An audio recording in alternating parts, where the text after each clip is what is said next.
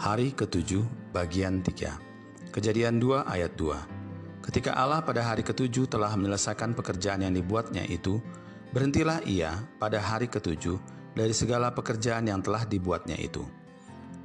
Kata yang digunakan untuk kata dibuat yang diulang dua kali dalam ayat ini adalah kata kerja yang digunakan sekitar 2500 kali dalam perjanjian lama. Namun juga diterjemahkan sebagai lakukan atau telah melakukan sekitar 1300 kali. Terjemahan literal dalam konteksnya dapat dituliskan pekerjaan yang telah dilakukan. Kata lakukan atau diterjemahkan lembaga Alkitab Indonesia sebagai buat atau dibuat ini memiliki lingkup yang luas dan berhubungan dengan hal yang memurnikan ataupun membentuk objek yang dibuat itu. Itu sebabnya kata ini menggambarkan aktivitas kreatif Allah. Ia atau Allah bukan saja menciptakan, namun juga membuat sesuatu dengan kreativitasnya. Allah bukan sekedar menciptakan segala sesuatunya, namun di dalamnya juga Ia menunjukkan kreativitasnya. Hari ini, kepadatan jadwal mungkin sudah menggiring kita untuk melakukan ini dan itu. Mungkin juga hari ini kita mengambil waktu untuk istirahat dan tidak melakukan apa pun. Mungkin juga kita tidak melakukan apa-apa karena kita ingin bermalas-malasan, atau karena kita tidak dapat berbuat apa-apa karena kita telah kehilangan pekerjaan kita. Teks bacaan kita mengarahkan kita semua bukan segera melihat kondisi dan apa pun yang dapat kita lakukan hari ini, namun apa yang Allah lakukan. Kita perlu memandang ciptaannya sebentar saja. Pandanglah langit, tumbuh-tumbuhan, binatang di sekitar Anda. Lalu perhatikan betapa kreatifnya apa yang diperbuat Allah, apa yang telah dilakukannya saat Ia menciptakan itu semua.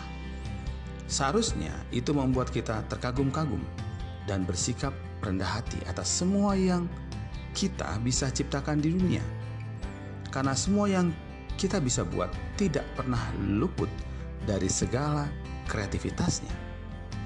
Kita mungkin langsung berpikir tentang ekonomi kreatif dan ide-ide yang bisa kita buat untuk membuat sesuatu. Kita percaya bahwa Allah yang menciptakan kita dalam gambar dan rupanya tentu memiliki kreativitas Allah dalam diri kita. Kita pun bisa mulai berdoa dan bertanya kepada Tuhan, apa yang aku bisa perbuat ya Tuhan? Tuhan pasti akan memampukan kita. Namun hal yang harus kita tidak pernah lupakan adalah semua kreativitas Allah yang luar biasa dan yang berasal dari Dia seharusnya kembali kepadanya. Karena jika tidak demikian, maka kita akan hanya melihat atau melakukan pekerjaan sebatas kebutuhan kita, ekonomi dan penghasilan kita.